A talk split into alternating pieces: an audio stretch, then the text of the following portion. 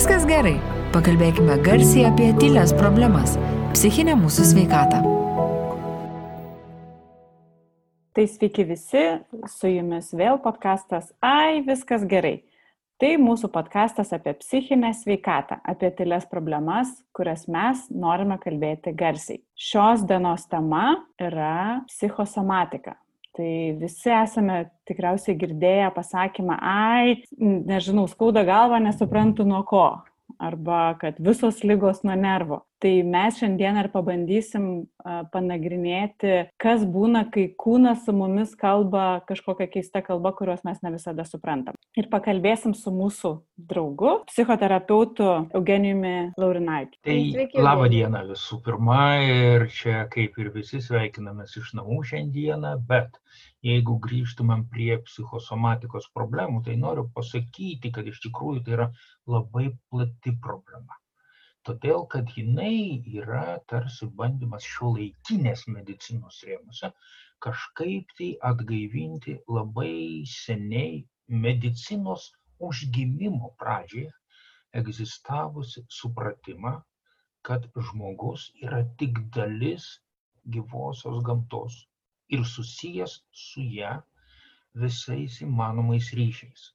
O tų ryšių iš tikrųjų mes turbūt galėtumėm išskirti keturis lygius. Pirmas tai yra biologinis. Mes turim turėti tam tikrą aplinkos temperatūrą, kad išgyventumėm. Mes turim turėti pakankamą kiekį vandens ir maisto, kad išgyventumėm. Mes turim turėti kažkokią užuovėją nuo gamtos, nemalonių ar kartais katastrofiškų įvykių kaip audros, taifūnai visokiausi ir taip toliau. Toliau yra mūsų psichologinis ryšys su mūsų gamta, tai yra kitais žmonėmis visų pirma, bet ne tik. Tai yra taip pat psichologinis ryšys su mano gyvūnais, kuriuos aš turiu, su mano kažkokia nuosavybė, kurią aš turiu, kuri man tikrai nėra tik daiktas, jinai yra man žymiai daugiau jinai man reiškia kažkokį e, simbolinį mano paties statuso būklės e, įvertinimą.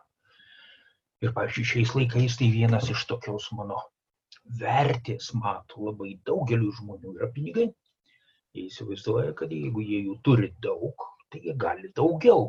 Mhm. Ir dėja, bet tai paskui perlipa į kitus e, santykių lygius, ne tik tai į šitą psichologinį.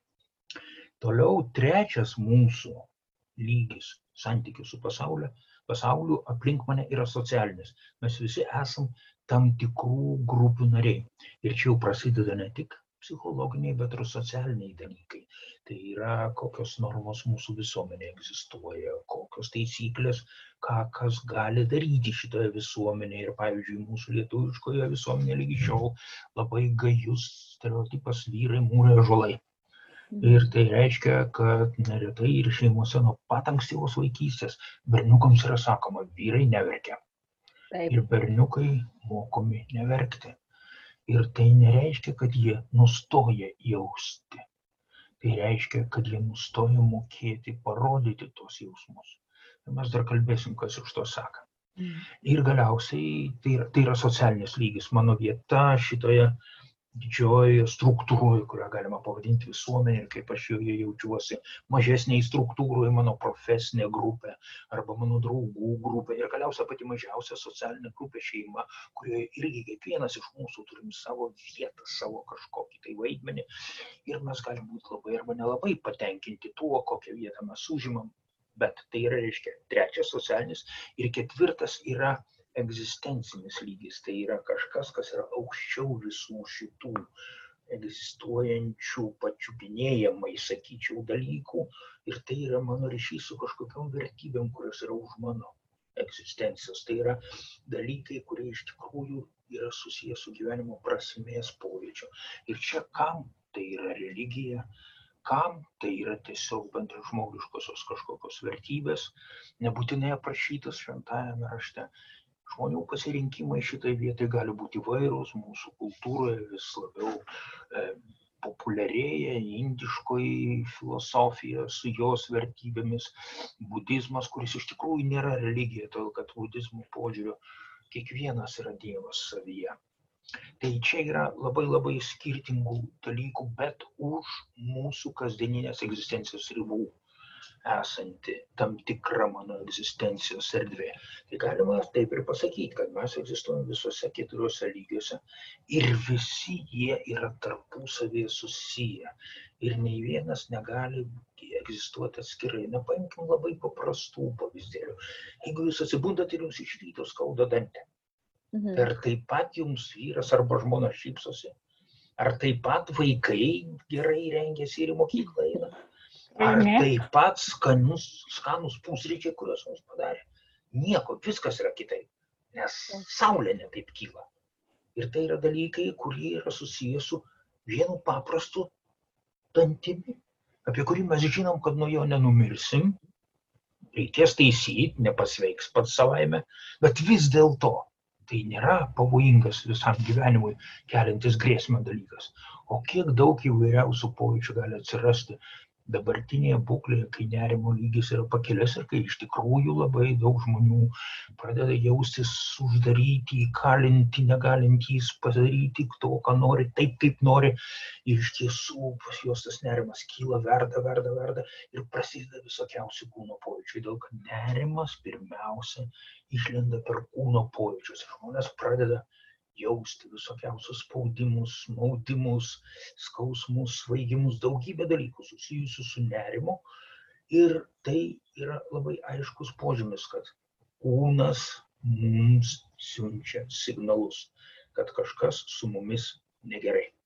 Bet o kaip atpažinti, kad čia yra ne, na, na tos, vad būtent toksai emocinis skausmas, nežinau kaip net kaip įvardinti, kad čia nėra, na, tikras dalykas?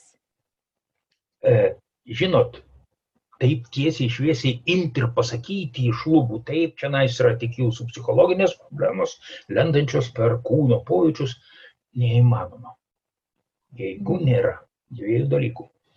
To žmogaus medicininio ištyrimo, kuris rodo, kad dabar egzistuojančiais medicininiais metodais jokių kūno lygų jis neturi. Yeah. Mhm. Tai yra šitų simptomų kūniškosios priežasties gydytojai atrasti negali. Nėra. Antras dalykas - patirtis su šituo pacientu. Jeigu mes žinom, kad iš tikrųjų su juo pakankamai seniai tokie dalykai dedasi, tai galim kalbėti su juo, ar tai panašu į tai, kas mm -hmm. buvo anksčiau. Ar tai primena jums jūsų savijautą kitose sunkiose situacijose. Ir galiausiai yra trečias, sakyčiau, toksai liaudės išminties kelias, kai mes puikiai žinom visokiausias patarlės, kad iš širdies, iš tai iš baimės širdis į kulnus nukrito. Mhm. Arba akmuo ant krūtinės guli, kai depresija žmogų kankina. Mhm. Arba oro, įkvėpti negaliu su šituo žmogumi kalbėdamas. Tiesa, mhm. jis, jis mane dusina, mes sakom, betgi dusina, taigi apie kvėpavimą, tiesa. Bet tas taip, taip. O kokie, pavyzdžiui, yra kažkokie tokie dažniausiai pasitaikantis e, tie pojūčiai rodantis, e, vat, kad tai, nežinau. Dėl nerimo tai yra visas buketas, sakyčiau, visas, visa puokštė mhm. simptomų. Pirmiausia, tai yra raumenų įtampa, kuri neretai veda prie virpulio, drebulio tų raumenų grupėse. Mhm. Ir jeigu mes kalbam apie nerimo kaip įtampos šaltinio pasireiškimą, tai dažniausiai tai pasireiškia sprando ir pečių juostos raumenyse ir ta grupė sustingsta ir žmogus tarsi pakelia sparniukus ir mhm. matosi pakankamai aiškiai, kad jo pečiai yra pakilę, jis nemoka jų atpalaiduoti ir nuleisti. Toliau, be abejonės, labai dažnas simptomas yra pilvo preso raumenų įtampa ir tada jo kvepavimas pasidaro paviršutinis ir daugiau krūtininis, o žymiai produktyvesnis yra kvepavimas diafragma, kada pilvas kilnojasi, nes diafragma leidžiasi aukštyn žemyn ir tai yra mhm. tik vienas raumuo, o jeigu mes kvepuojame krūtinę, tai kiekvienas tarp šonkaulinių raumenų reiškia nervas turi dirbti ir žymiai didesnė įtampa gaunasi tiesiog nervų sistemoje.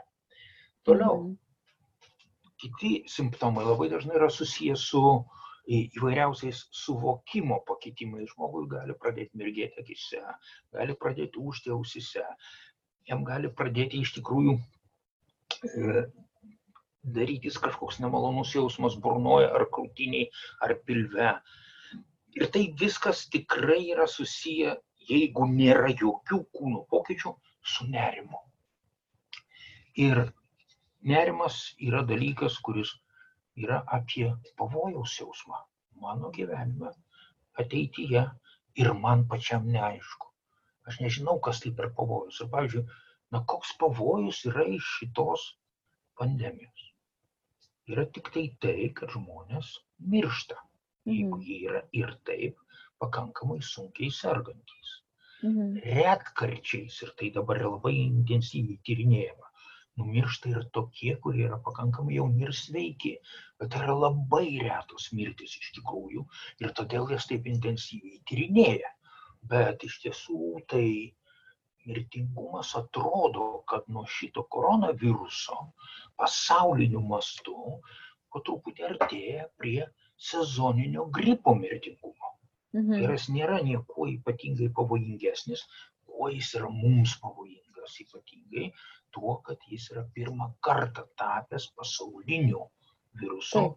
Ir tai pasidarė problema visiems, nes niekas neturim imunitetą. O gripui sezone mes turim ir nemaža dalis jau įgyję imunitetą, nors gripo virusai keičiasi truputėlį kiekvienais metais. Bet mes galim ir pasiskiepyti ir tada mes turim žymiai didesnį atsparumą šitam virusui. Bet o šitam koronavirusui neturim. Bet pavyzdžiui, aš tikrai ne vieną kartą jau esu girdėjusi ir vat, šitame dabartinėme būtent tam e, koronaviruso kontekste, kada žmonės sako, oi, čia žinai, nuėjau į parduotuvę, nu tai jau čia grįžau namo, man atrodo, jau čia ir kosėt pradėjau ir jau čia sloga lik ir prasidėjo. Tai čia irgi tie yra psichosomatiniai tokie, ne nerviniai. Aš manau, kad taip, tik tai mes gal turėtumėm susitarti, ką mes vadinam psichosomatika, o ko mhm. nevadinam. Tai vad jeigu mes kalbam apie šitos simptomus, kurie yra mūsų nerimo arba kitų depresijos atveju, pavyzdžiui, taip pat būna šitie simptomai, šitokius kūno signalus, tai nėra psichosomatika tikrąją to žodžio prasme. Mhm. Tai yra tai, kas vadinama dabar truputį tokiu gudriu žodžiu somatoforminiai simptomai. Tai yra simptomai, primenantis somatinės, tai yra kūno lygas, bet nebereikalo somatoforminiai, jie šitų lygų neparodo. Tai nėra lygos mūsų supratimo pasireiškimas, tai yra mano emocinio reagavimo į pasaulį kalba per mhm. kūno pojūčius. Ir iš tikrųjų jūs turbūt po puikiai prisimenat, pavyzdžiui, eidamas į egzaminą, kai tekdavo nelabai pasiruošus eiti pas žiauro egzaminatorių, nu taigi vis vien varydavo į tualetą kažkaip. Mhm. Tai anksčiau ar vėliau ir e, atėjus į patį egzaminą virpėdavot truputėlį ir oro trūkdavo ir būdavo visokiausių kitų somatoforminių simptomų, bet jokios nei skrandžio, nei žarnyno, nei kvepavimo lygos jūs tikrai neturėjote. Mhm. Jūs tiesiog bijojote. Tai buvo baimės požymis. Aš pamenu, kai mes kalbėjome apie paniką e, ir dabar jūs kalbėjote, kalbate apie nerimą, sakėt, kad jau vis daugiau daktarų, kurie atsiunčia pacientus, žmonės psichoterapeutams sakant, kad na, ne, ne sveikatos problema, pas, ne, ne, ne medicininė problema pas tave yra. Ne kūno sveikatos. Ne kūno sveikatos, taip. taip. E, o kokie yra kiti, va, dar tokie susirgymai, kurie va, su nerimu, tai kažkaip labai vis, visi gali juos atpažinti, nes tikrai, ką jūs taip. sakėte, yra apie pilvo maudimą ir vidurių sukimą ir panašiai. Nu, čia daug kas gali atpažinti tave, bet kokie dar yra iš, iš, iš kitų, nežinau, susirgymų, lygų Tai vad galbūt grįžkim prie to, ką aš norėjau pratesti, kad šitie mūsų simptomai, somatoforminiai simptomai, mhm. apie jokią kūno lygą mums nešneka. Tuo tarpu psichosomatinėmis lygomis siauraja to žodžio prasme reikėtų vadinti tokius susirgymus, kurie jau turi savo kūniškąjį pasireiškimo komponentą. Jau yra kažkas pakengta mūsų organuose. Bet šito pakenkimo pradžia ir vystimosi mechanizmas daugiau priklauso nuo psichologinių dalykų. Ir klasikinis šitokio susirgymo pavyzdys yra padidinto kraujospūdžio lyga hipertonija. Todėl, kad hipertonijos pačioj pradžioj būna tik tai kraujospūdžio pakilimai ir daugiau nieko organizme nėra. Ir šitie kraujospūdžio pakilimai yra vienareikšmiškai susiję su reakcija į stresą. Mes visi, kai patiriam stresą, tai tuomet reaguojam pasiruošimu jam. Mes bandom arba bėgti nuo jo, arba kovoti su juo ir kraštutiniu atveju mes sustingstam, kai jau nebegalim nieko padaryti. Bet jeigu mes pažiūrim į tai, kas iš tikrųjų turi būti to pasiruošimo būtina dalis, tai didesnis kūno organų, ypač raumenų, aprūpinimas degonėme. Ką tai daro? Kraujas, kokiu būdu, pakeldamas spaudimą. Mhm. Širdis pradeda plakti stipriau, energingiau ir aprūpina mūsų kūno krauju geriau. Bet bėda tai yra ta, kad mūsų žmogiškame pasaulyje, mūsų socialinėje erdvėje mes iš tikrųjų nelabai turim šansų nei kovoti, nei bėgti.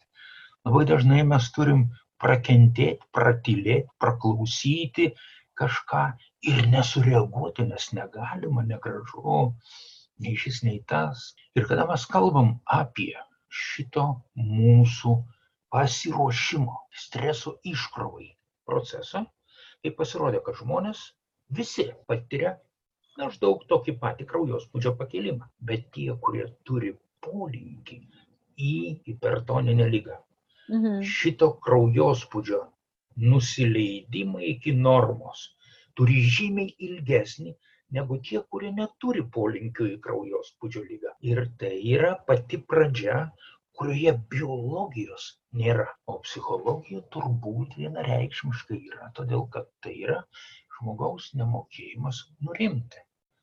Situacija jau pasibaigė, o jis toliau, kaip sako ta pati mūsų lietuviška patarlė, mosuoja kumščiais po muštynių. Mhm. Tai vad šaukštai po pietų, o žmogus dar tų šaukštų mojuoja. Ir paskui tam kraujospūdžiui vis dažniau pakylant ir vis ilgiau laikantis pakilus, susiformuoja jau pakitimai kraujagyslėse. Ir kraujagyslių senelės pradeda skilinėti, randėti, jos tampa mažiau elastingos ir galiausiai prieinam tokią būklę, kada žmogaus kraujospūdis pakilęs pasidaro pastoviai. O jau tada prasideda trečia lygos stadija, kai šito kraujospūdžio pakilimas veikia organus ir galiausiai dažniausia bėda, su kuria mes susidurėm ir kuri yra dažnai ir mirties priežastis, tai yra kraujagyslės plyšta ir jeigu tas kraujas išsilieja į smegenis, kas labai dažnai atsitinka, turime insultus ir insultai yra viena iš pagrindinių mirties priežasčių Lietuvoje. Tai mes kalbam apie ką? Kad tai yra modelis, kaip vystosi psichosomatinis susirgymas. Ir tada gydytojai diagnozuoja jį, jie mato požymius, taip kaip opaligės, taip kaip išėminė širdies lygos, nes tai irgi yra psichosomatinis susirgymas. Ir pasirodo, kad iš tikrųjų tokiu atveju, psichosomatinio susirgymo atveju, gydimas turi būti kompleksinis, turi dirbti ir gydytojai gydantis tas lygas iš kūno pusės ir psichoterapeutai gydantis tas ligas iš psichologinės pusės. Ir yra pakankamai daug metodų sumažinti arterinį kraujospūdį, kol mūsų kraujagyslės dar yra elastingos, kol dar jos nepradėjo randyti ir tas kraujospūdžio pakilimas nepasidarė stabiliai pastovus.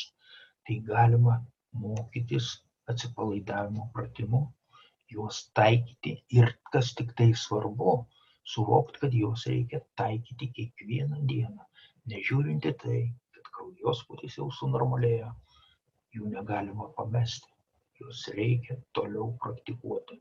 Ir tik tada mes neturėsim visos puokštės komplikacijų po šito galimo susirgymo chronizavimosi, tai yra tapimo jau stabiliu kraujospūdžio pakelimu. O kaip, pavyzdžiui, yra, bet, bet čia irgi e, skaitosi kaip ta psichosomatika, jeigu būna taip, kad, e, nežinau, tu kažko labai labai nenori ir atrodo, kad tu pats išsišauki tos kažkokius simptomus, kad kažko nedaryt. Na, pavyzdžiui, man tikrai yra labai dažnas dalykas, kada e, kažko labai aš bijau, man prasideda angina.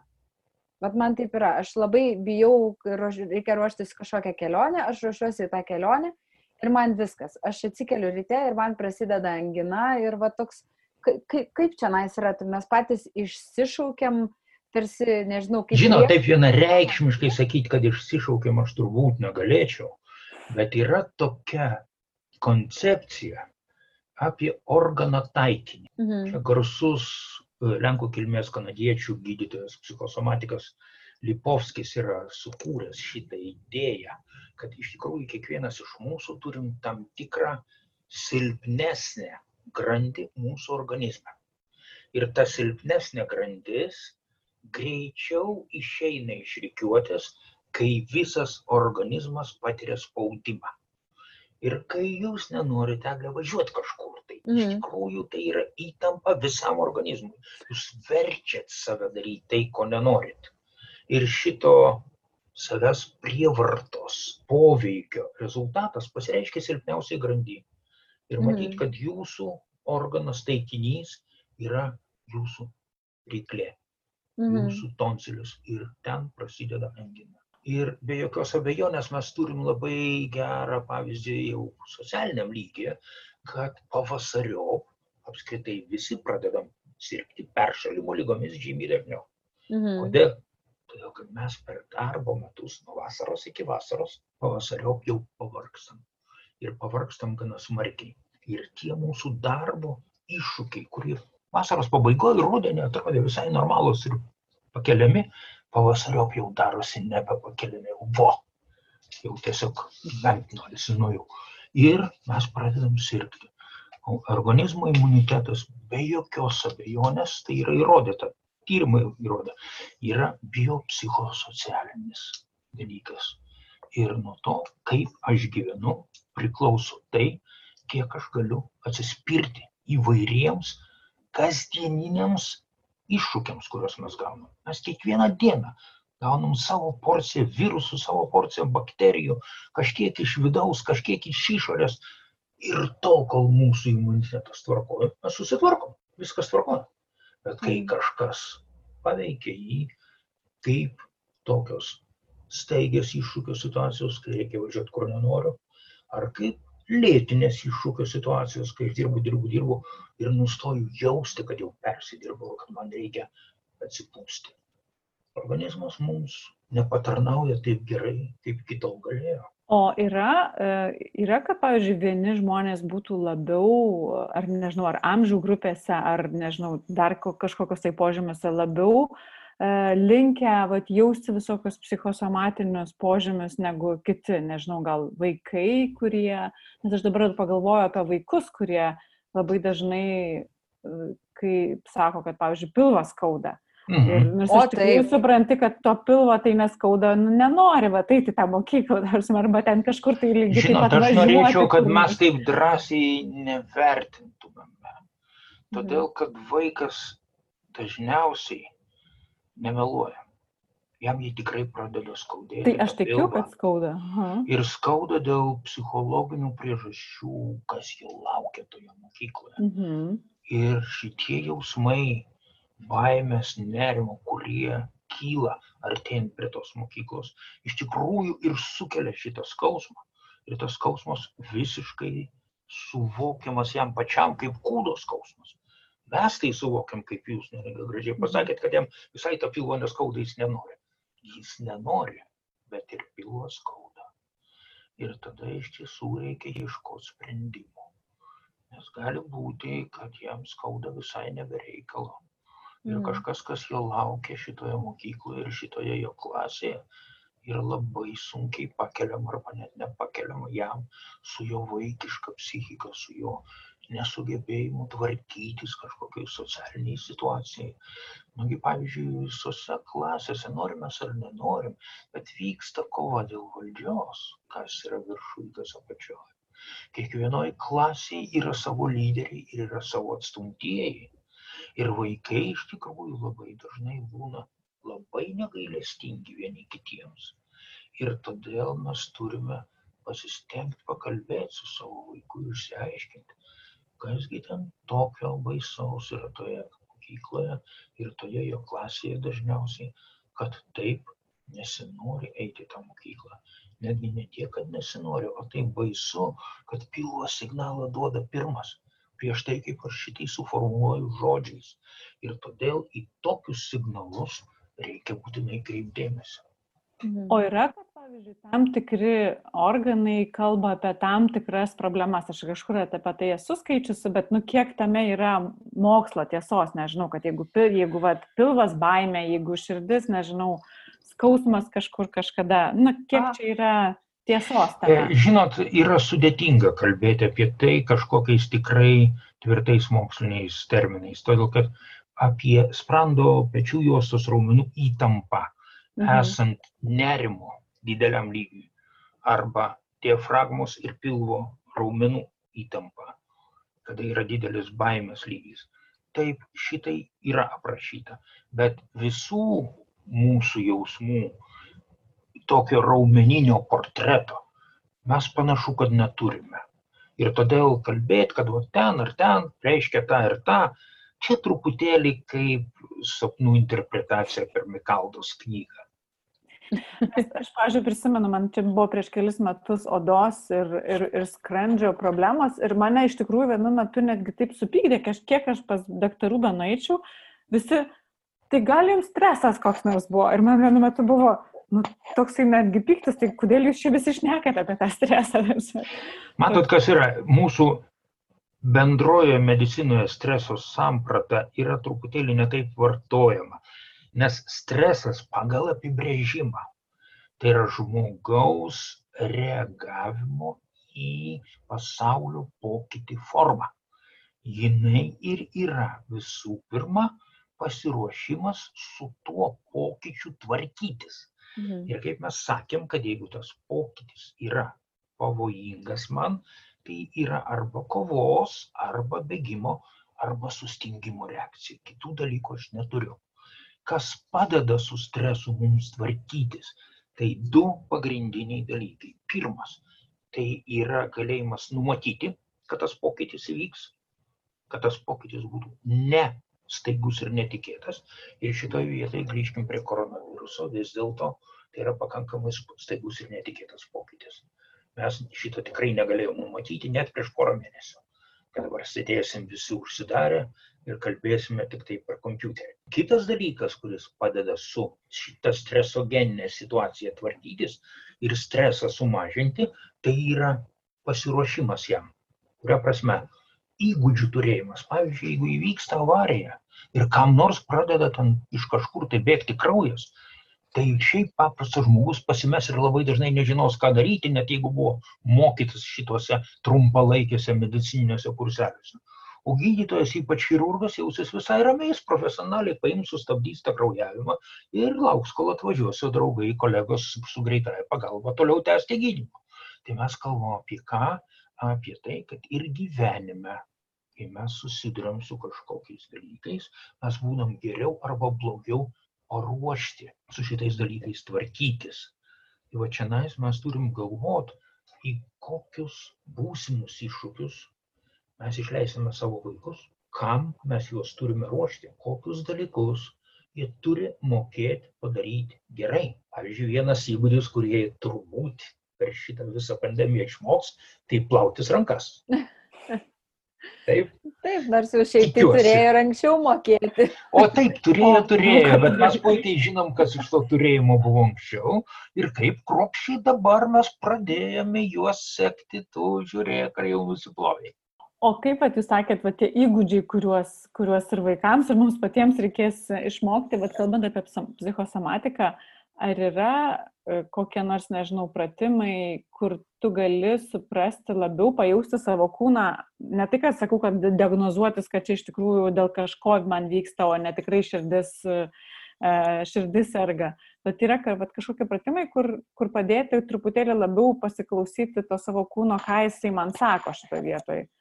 Žinot, yra, yra tokių pratimų, kurie yra iš tiesų labai didelė dalimi kilę iš senųjų rytietiškųjų tradicijų. Tai yra įvairiausi atsipalaidavimo pratimai.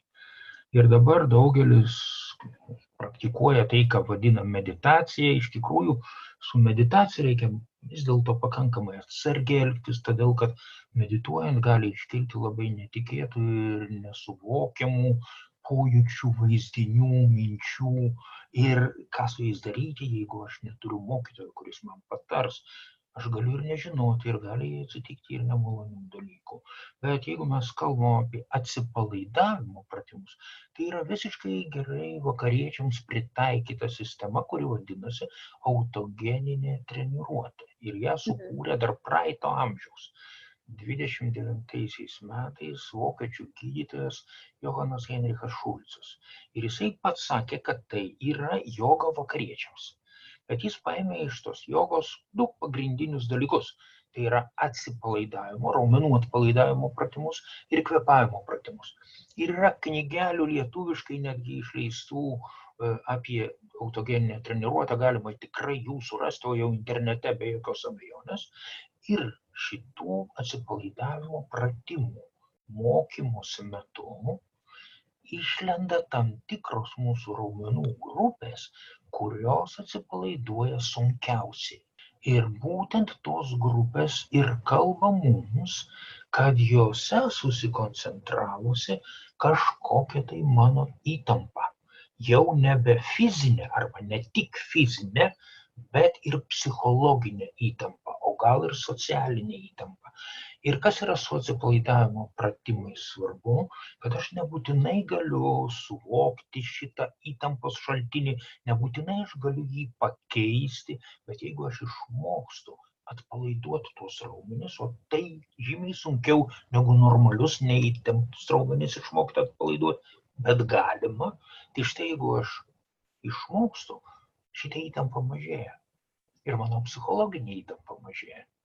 Ir tai reiškia, kad mes turim suvokti, kad prie kiekvieno galimo mano funkcionavimo sutrikimo reikia prieiti per tas dureles, kurios man lengviausiai atsidaro.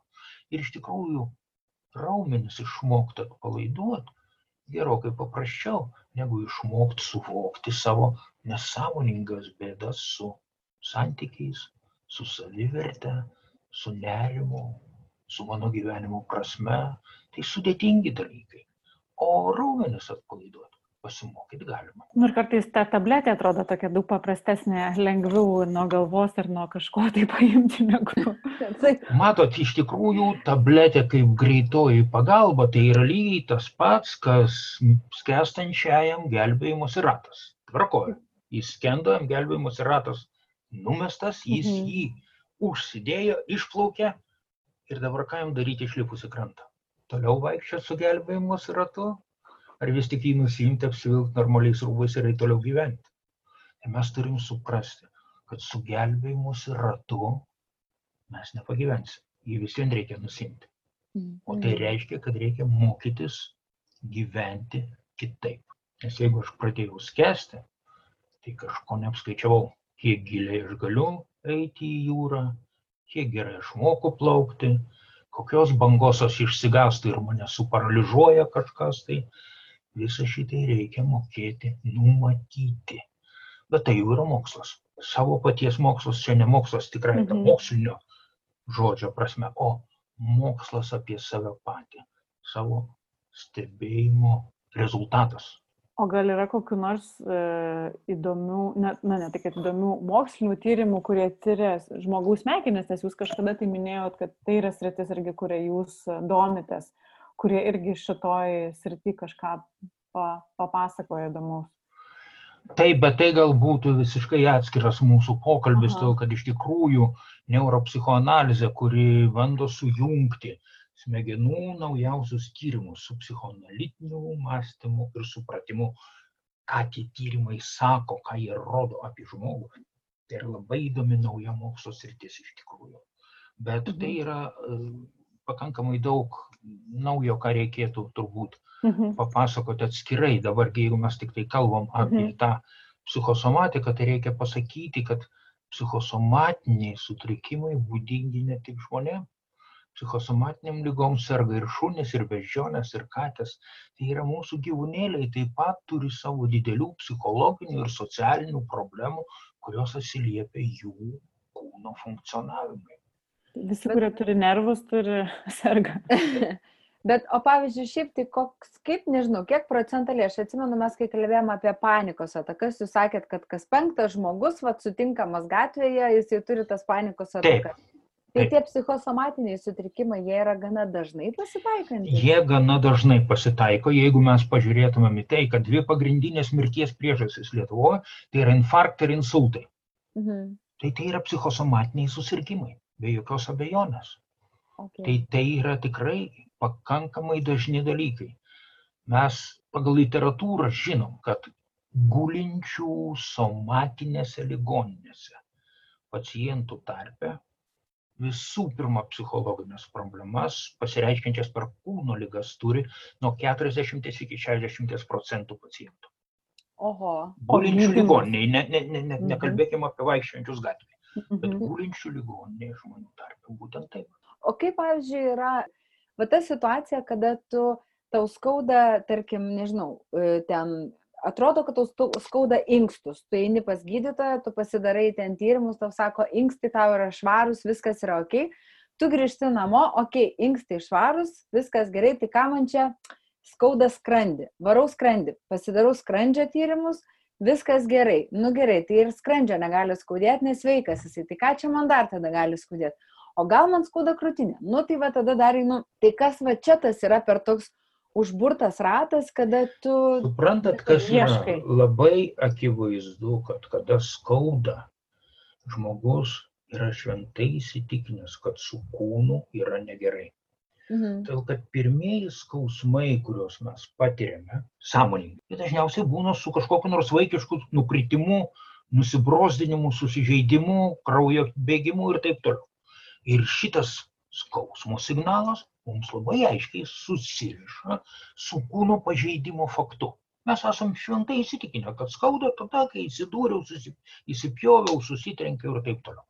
Ir jeigu man kas nors skauda jau suaugusiajam, tai pirma ir visiškai logiška idėja yra, kad kažkas su kūnu negerai. Mėly daktarai, aš einu pas jūs, prašom, suraskite. Mhm. Ir čia jau, mėly daktarai, atsiduria beveik kaip karvutė ant ledo, nes jokio kūno pažeidimo jie surasti negali. Todėl, kad iš tikrųjų tais aparatais, kuriuos mes turime, nieko nerandam. Kraujo tyrimai visai sveiki. Ir daktarai labai neretai sako tikrai neteisinga frazė. Jūs sveikas. Mhm. Ne, jūs nesveikas. Bet jūsų kūnas nepažeistas. Ir jeigu jūsų kūnas nepažeistas, tai reikia ieškoti, kas pažeista. Ir jeigu mes kalbam apie biopsichosocialinę žmogaus prigimtį, tai tada reikia ieškoti šitų mano pojūčių priežasties kitose mano egzistencijos lygiuose. Tik tai bėda didelė yra ta, kad mūsų gydytojai šitam ieškojimui neturi nei laiko, nei įgūdžių pacientui poliklinikai skirta 12 minučių. Mhm. Ir per tą laiką reikia su juo pakalbėti, išklausyti, pačiupinėti ir dar viską, ką supratau, surašyti į dokumentus bei pasakyti pačiam Pasakyti pacientui. Gydytis, taip. taip, tai tai yra absurdas. Tai yra tikras absurdas. 12 minučių tai yra privartavimas ir gydytojų ir pacientų iš tikrųjų. Bet tokia nes, yra realybė.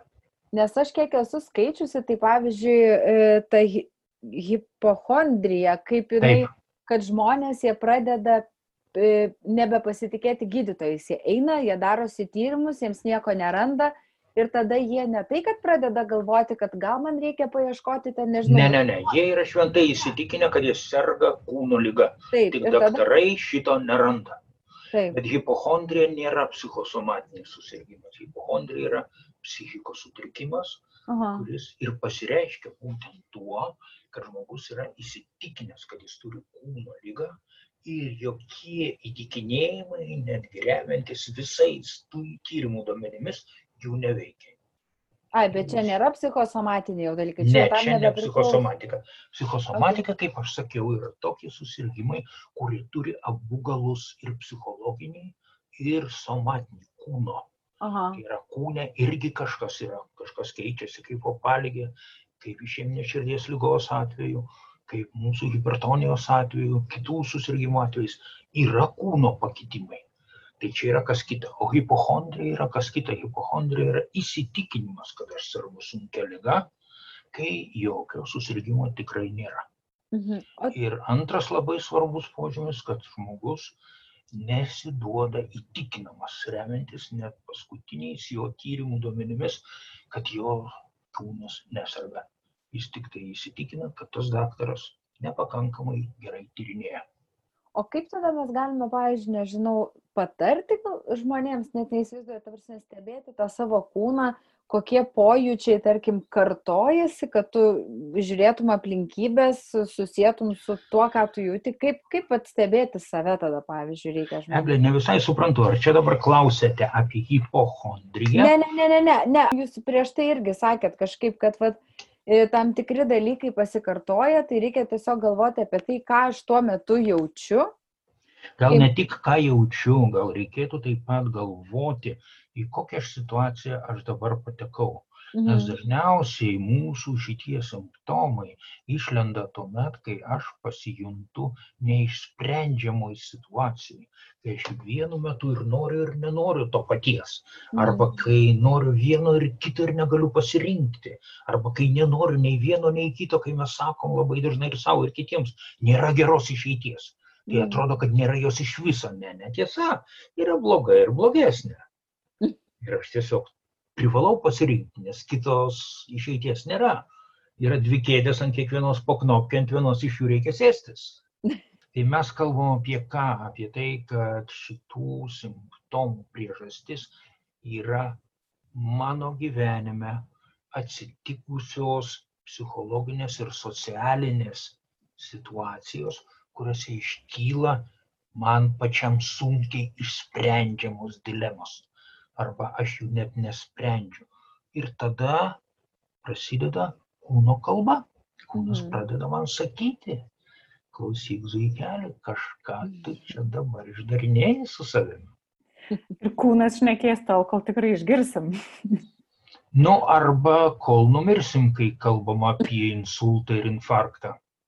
O klausykit, gal aš čia, ta prasme, visiškai į pievas nusi, nus, nu, nusigalvosiu dabar, bet jeigu mū, Lietuvoje, sakėt, kad tai yra ir didžiausia susirgymų ir mirčių priežastis, ir 40 procentų iš tų susirgymų, nu, kraujagislių yra, uh, yra psichosomatinės kilmės, tai ką čia apie mus pasako? Ar čia mes kaip, nu, kaip lietuviai, nežinau, kaip regionas, šita yra mūsų pati silpniausia vieta, ar mes kažkaip psichologinės visas tas pačias problemas nešiojame? Mes nesam kažkuo tai išskirtiniai pagal šitą statistiką. Mes turim suvokti, kad visa vakarų kultūra turi maždaug tokią pačią statistiką.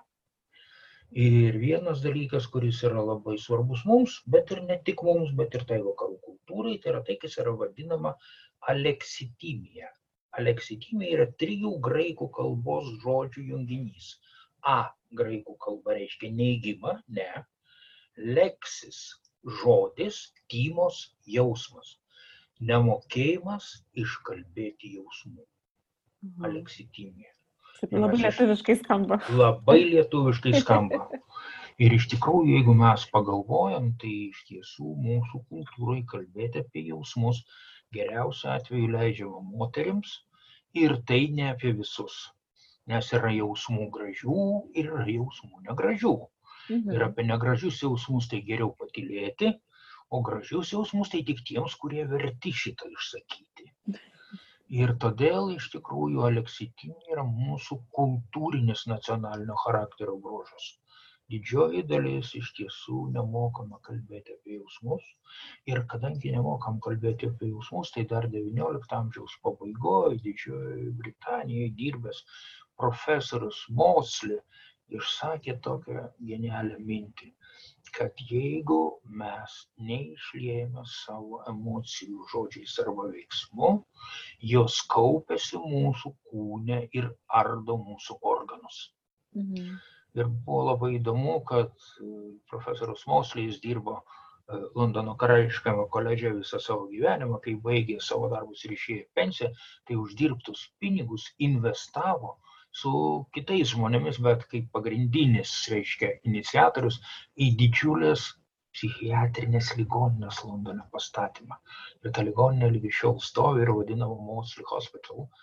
Ir tai yra iš tikrųjų tiems laikams 20 pačios pradžios statybos planams, tai tai buvo labai mm, tokia įdomi ir, ir naujoviška ligoninė, man teko joje būti. Tai vad vidaus lygų daktaras savo pensiją paskyrė psichikos sutrikimų gydymui. Aš manau, tai irgi daug ką sako. Tai kai kalbam apie šitą mūsų sielos ir kūno ryšį, to negalima atskirti. Jie yra tikrai labai glaužiai susiję ir vieno bėdos atsiliepia kito bėdoms. Tai aš kaip visą tai suvedu į dabar laikotarpį, kuriame mes gyvenam, tai jeigu mes tų emocijų nemokėjom iškalbėti iki tol, e, dabar visi užsidarėm ir tapom uždaryti, dar tų emocijų ant viršaus prisikaupė ir kaip jas visas dabar išmokti kalbėti, čia tikriausiai jau kitos, e, kito mūsų pokalbio tema galėtų būti kaip normaliu būdu, kažkas tas normalus žodis, aišku, yra išmokti kalbėti apie savo emocijas, nes Žinot, kodėl suvalgant aš esančio. juokiuosi jūsų klausydamas, nes kuo toliau šitas periodas eina, tuo daugiau aš girdžiu iš žmonių, su kuriais dirbu ir iš paskaitų klausytojų, nes aš skaitau paskaitas ir internetu, kad iš tikrųjų to kalbėjimuose apie savo jausmus šitoj uždaroj erdvėj darosi vis daugiau. Ir kas yra įdomu, kad žmonės ir sproksta, ir supyksta, ir susipyksta, bet paskui susitaiko. Nes nėra kur dėtis. Nėra kur dėtis. Vis vien reikia gyventi kartu.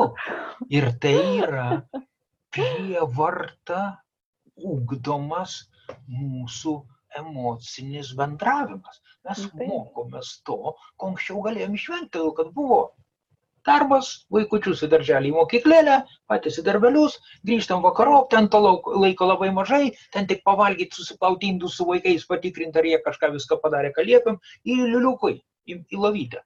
O dabar visą dieną kartu. Ir reikia mokytis gyventi kartu. Ir tai, Na, bet, yra, manau, labai e, naudinga.